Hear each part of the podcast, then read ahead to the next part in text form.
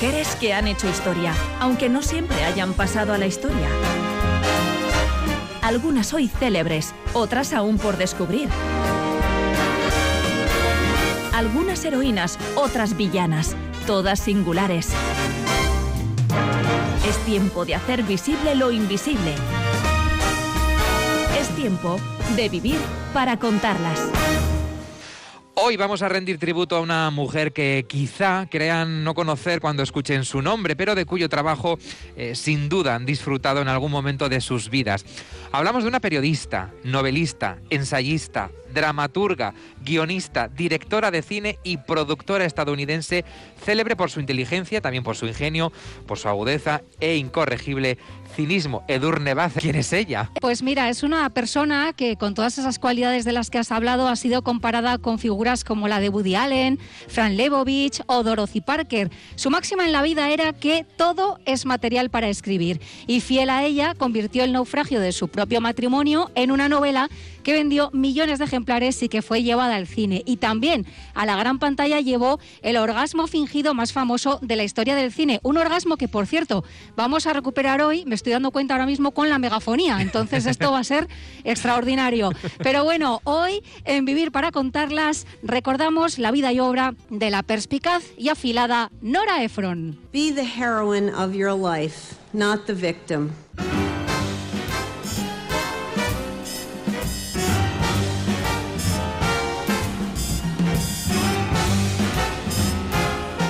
Nora Ephron nació en Nueva York, lo hace el 19 de mayo de 1941. Fue, por cierto, la mayor de cuatro hijas que tuvieron Phoebe y Henry Ephron. Es una pareja de dramaturgos y guionistas, autores, entre otros, del guion de la famada comedia musical Luces de Candilejas de 1954. Y por aquí es donde vamos a empezar a conocer a Nora Ephron. Y con esas cuatro hermanas que terminarían siendo escritoras, todas ellas, tres de ellas, además del padre, también escribieron sendas autobiografías. Y es que en la máxima eh, de la familia Efron siempre estaba presente lo que antes decíamos, que todo es material para escribir, tanto lo que ocurre alrededor de uno mismo como, sobre todo, eh, lo que le ocurre a uno mismo. ¿no? Y tal y como recoge Michelle Dean en su libro Agudas, Mujeres que hicieron de la opinión un arte, el talento para hablar de uno mismo se empezó a cultivar durante las cenas familiares de los Efron, porque cada noche organizaban un concurso para determinar quién era el miembro más divertido de la familia, contando sus anécdotas. Y la más ocurrente, según parece, era Phoebe, la madre, una mujer de gran personalidad que siempre insistió en recordar a sus hijas que no había en la vida nada más preciado que la independencia. Y lo decía la que junto a la gran Dorothy Parker, a la que mencionábamos antes, era una de las pocas mujeres guionistas en Hollywood. Yo pagaría por colarme en esas escenas, ¿eh? por, por mirar por una mirilla. Compitiendo ahí a ver quién es el más ocurrente. Bueno, así se curtieron también las hermanas Efron. Y hay que decir que, por desgracia, como la propia Parker, Phoebe, al igual que su marido, desarrolló un serio problema de alcoholismo hasta el punto de acabar muriendo de cirrosis hepática con solo 57 años. Pero con aquellos concursos que animaron las cenas en el hogar de los Efron, Nora aprendió una lección que tendría presente durante toda su vida y es la del poder liberador del humor.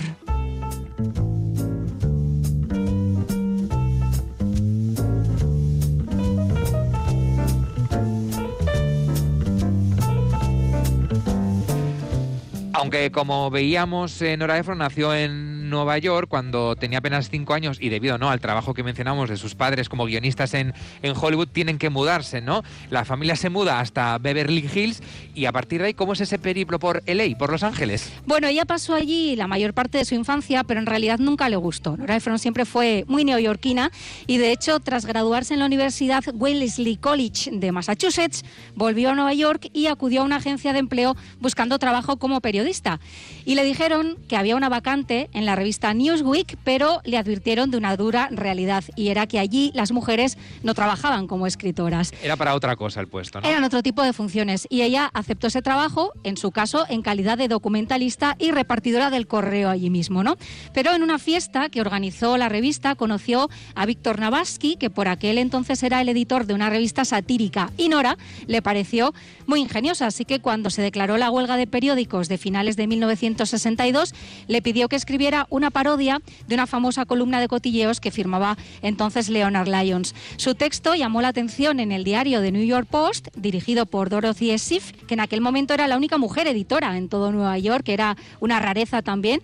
Y Nora empezó a trabajar allí como periodista y aunque siempre admitió que había aprendido mucho, también reveló que la experiencia no había sido demasiado agradable. Lo contó, por supuesto, como solía contarlo todo, con todo lujo de detalles y con mucho sarcasmo. Y es que la característica que definió siempre el trabajo de Nora Ephron como escritora fue la independencia en la que su madre tanto había insistido. Y pese a que le granjeó no pocos detractores, su gran virtud fue justamente que no se casaba con nadie. Ella escribía con esa ironía y con la moralidad. la, libertad de poder escribir lo que uno quiera sin atarse a nadie. Sí, que no es fácil, ¿eh? Porque enriquece mucho los textos. Exactamente, de ahí que ella brillara. Y además ella escribía pues con esa libertad y con esa mordacidad tan suyas de todo y de todos. Y en ese todos estaban incluidos los que le pagaban también, ¿no?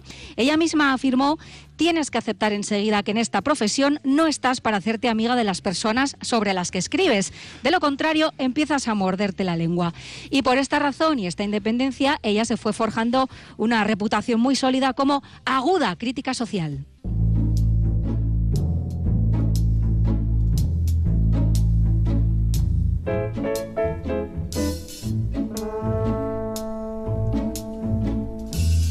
Habría que tatuarse esa frase. ¿eh? Tienes que aceptar enseguida que en esta profesión no estás para hacerte amiga de las personas oh, sobre las que escribes. Bueno, vamos a seguir con este periplo de, Nora Ephron, porque tras dejar su trabajo en The New York Post, eh, se hizo freelance, es decir, eh, bueno, pues trabajaba por su cuenta, ¿no? Empezó a trabajar por libre para medios como The New York Times, también The New York Times Book Review o Cosmopolitan o Esquire, ¿no? Revistas muy potentes, ¿no? Y que marcaban tendencia en ese momento. Totalmente. Y en el año 1972 escribió en particular un artículo titulado Unas palabras acerca de los pechos, en el que con su característico humor abordaba el obsesivo interés por los pechos de las mujeres. Y ella lo hacía partiendo, como siempre, de su propia historia y del complejo que sus pechos pequeños le habían causado en la adolescencia. Y este texto, que derivó en muchas cartas al director, le valió una columna fija en la revista Squire, que como dices era muy potente en el momento también, junto a otros consagrados representantes de lo que se llamó nuevo periodismo, por ejemplo, como Gaitalese o Tom Wolf. Y su columna se llamaba Women y en ella abordaba toda clase de asuntos vinculados a las mujeres, al feminismo y a los conflictos de la vida cotidiana en Estados Unidos. Ella hablaba tan pronto de sus pechos como de las fantasías sexuales de las mujeres, de la utilización del movimiento feminista por parte de los partidos políticos, de los concursos de belleza también, de sus antiguos jefes y jefas, de la persistencia de comportamientos machistas entre varones presuntamente progresistas o de la manipulación de la mujer por la industria cosmética, entre otros muchos temas. Es decir, temas que en ese momento probablemente no estaban en, eh, eh, eh, boca de nadie, ¿no? Y que ella conseguía colocarlos en el centro de atención, ¿no? Denunciarlos y visibilizarlos a través de su columna. Estamos hablando de la década de los 70. Y además una, de una sociedad todavía muy puritana y más en la, la estadounidense. Exactamente, y ella lo hacía de una forma muy afilada y provocadora, con esa falta de complacencia tan suya, y en plena segunda ola feminista, por ejemplo, ¿no? En esa década abordaba y cuando lo estimaba oportuno también criticaba cuestiones referentes al movimiento, como algunos de los notorios roces o discusiones internas que se producían en él. Tampoco dudó en señalar determinados comportamientos de iconos feministas del momento, como Gloria Steinem, o la forma en la que las generaciones más jóvenes trataban de arrinconar a veteranas y pioneras de la lucha feminista feminista como Betty Friedan, por ejemplo, ¿no? Pero reconocía que en ocasiones le resultaba complicado combinar su propio compromiso feminista con su compromiso como escritora. Y ella misma dijo que una de las incongruencias recurrentes del movimiento es que es imposible contar la verdad sobre él sin que parezca que estás haciéndole daño, ¿no? Pero, como afirma Michelle Den en su libro, su talento para medir la estatura de las personas y cuando lo necesitaban de verdad recortarlas con aplomo, la convertía en esa clase de amiga que las personas estaban orgullosas de tener, a la que deseaban agradar y temían un poco también, ¿no? Ella se fue haciendo famosa con sus inteligentes, ingeniosos y acerados artículos y con sus frecuentes apariciones en televisión. Y entonces... ¿Y entonces qué pasa? Apareció en su vida Carl Bernstein.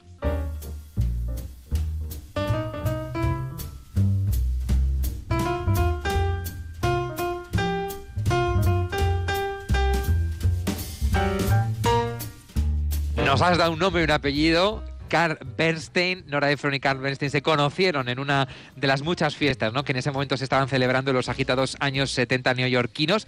Eh, ¿Fue un amor a primera vista? Bueno, eso lo saben ellos, pero sí parece que se gustaron instantáneamente porque, claro, al final se encontraban dos astros del momento. Ella era una célebre y afilada periodista y él, a su vez, era el periodista que junto a Bob Woodward había destapado el escándalo Watergate que hizo caer al presidente Nixon en el año 74. Se enamoraron y se casaron en el año 76, aunque Nora siempre intuyó que la cosa no iba a ser hasta que la muerte les separara, ¿no? Pero bueno, en sexto sentido. Ambos estaban divorciados y la propia Nora reconoció después en una entrevista que la demostración de que un matrimonio funciona no es necesariamente que funcione para siempre. Y entonces ella dijo, pues mientras funcione, adelante. Y se convirtieron en una pareja de moda en los 70, pero tal y como Nora había intuido, la felicidad les duró poco, unos tres años más o menos, porque el matrimonio hizo aguas cuando Nora descubrió que Carl tenía una aventura con Margaret Jay, que era periodista, baronesa, hija del ex primer ministro del Reino Unido James Callaghan y esposa del ex embajador británico Peter Jay. Esto, era muy loco. Por allá Nora no no no no no, no, pasó. Porque además Nora en ese momento estaba embarazada de su segundo hijo de siete meses y claro esto pues eh, mm, la dejó destrozada, rota de dolor y humillada porque todo el mundo lo sabía al parecer menos ella pues al final dejó eh, Washington, que además no le gustaba nada, y volvió a Nueva York. Se concedió seis meses de duelo y a partir de ahí dijo, ¿Qué decían siempre en mi casa? Que decía siempre mi madre que todo es material para escribir. ¿Y qué hizo? Convirtió ese naufragio matrimonial en una novela superventas que se tituló Se acabó el pastel y que fue llevada al cine con ese mismo título, con guion de la propia Nora, dirigida por Mike Nichols y protagonizada por Meryl Streep y Jack Nicholson. ¿Cómo es posible vivir con alguien y no saber algo tan fundamental? ¿Cómo? Es posible. es posible, sí. Es posible. Thank you.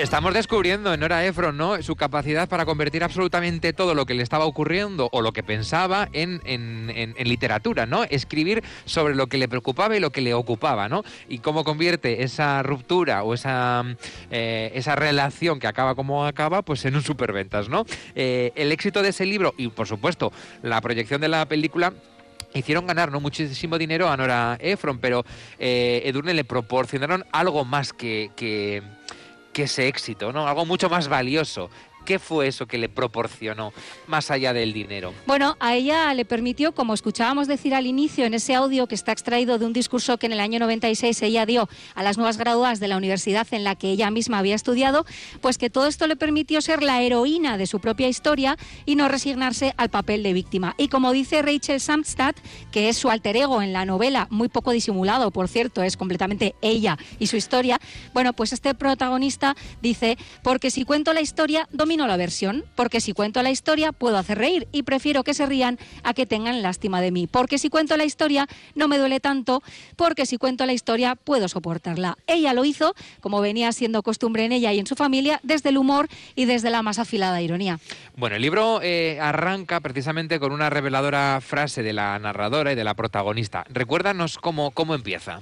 Las primeras líneas del libro son justamente el primer día no me hizo ninguna gracia, el tercer día tampoco me hizo gracia, pero conseguí hacer un pequeño chiste al respecto. Nora sabía que ese drama suyo algún día sería divertido para alguien. Y entonces lo aprovechó. Y como imaginaréis, Carl Bernstein se cabreó muchísimo con todo esto y cuando supo que para colmo se iba a llevar al cine, exigió como condición para concederle a Nora el divorcio que la película le reflejara al menos como un buen padre, si no un buen marido, por lo menos un buen padre.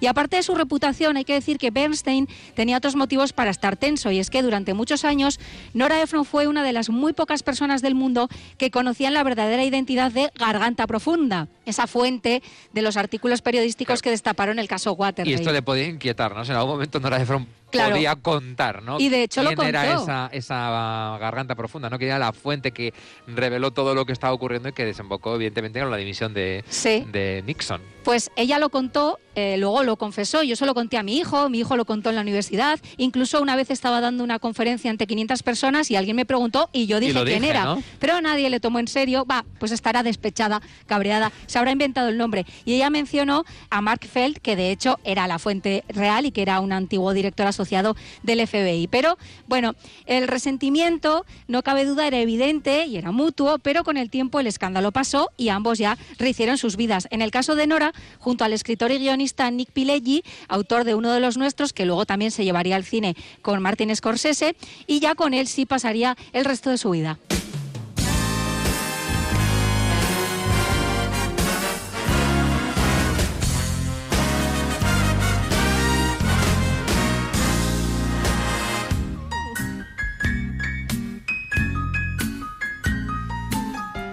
Bueno, pues tras su experiencia en con eh, Se acabó el pastel, esa película, como decíamos, interpretada por Meryl Streep, Nora Ephron le coge el gusto al cine, al que se dedicaría con gran éxito el resto de su vida, con ocasionales, además, incursiones en la prensa a través de columnas o, artículos.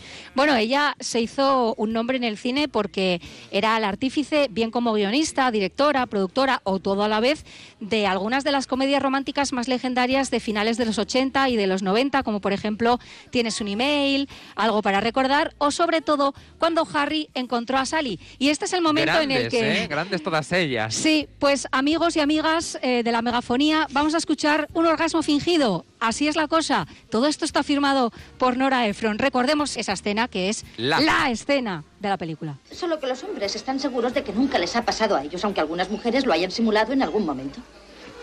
¿No crees que notaría la diferencia? No. Ah, tonterías.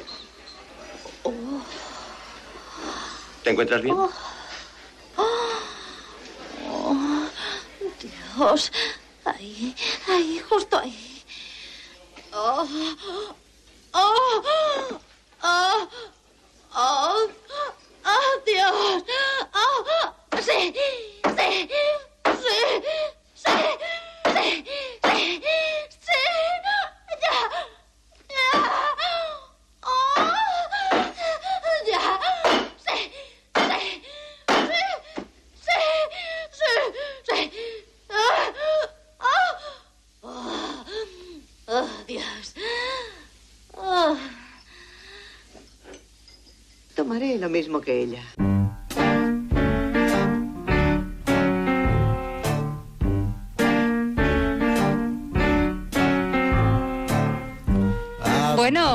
Escuchada así, escuchada así. Sí, con no, esta no se nos ha colado aquí una frecuencia pornográfica ni nada, ¿eh? es cuando Harry encontró a Sally, es una película muy recomendable y además eh, tiene muchas escenas eh, maravillosas, pero esta es la más conocida. Y además hay que decir que esa idea del orgasmo fingido fue, según se cuenta, de Meg Ryan, de la actriz, y que esa frase final de la señora maravillosa en la cafetería de quiero pedir lo mismo que ella, bueno, pues se le ocurrió a Billy Crystal y que la señora, por cierto, era la madre del director. Todo aquí ya, pues era así como muy redondo, ¿no? Pero estos momentos convirtieron esta película en una película de culto hasta el punto de que la mesa de esa cafetería en la que se rodó, que existe de verdad, tiene todavía en la actualidad un cartel que así lo testigua y que gusta mucho a los fans. En él se puede leer, donde Harry encontró a Sally, esperamos que tomes lo mismo que ella, disfruta. Bueno, pues Nora Ephron completó su filmografía con otros títulos como Colgadas, Embrujada, Julian Julia y tenía la intención de seguir vinculada a una profesión que le había reportado hasta la fecha tres candidaturas al Oscar como guionista, entre otros reconocimientos, pero no pudo ser.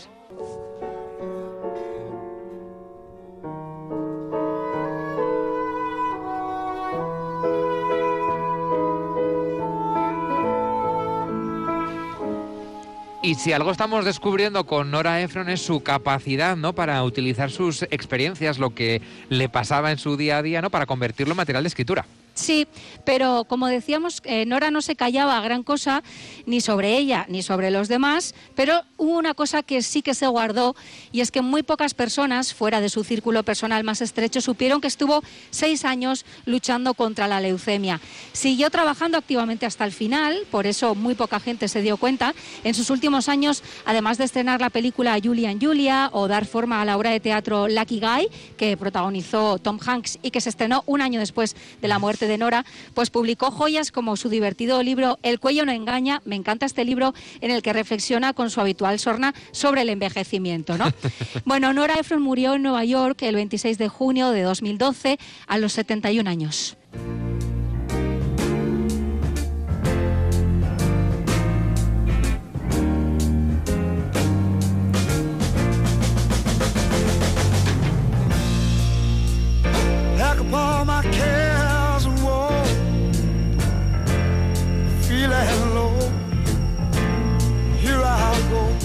Con todo lo que nos estás contando de Nora Ephron, ¿cómo podemos seguir descubriendo su legado?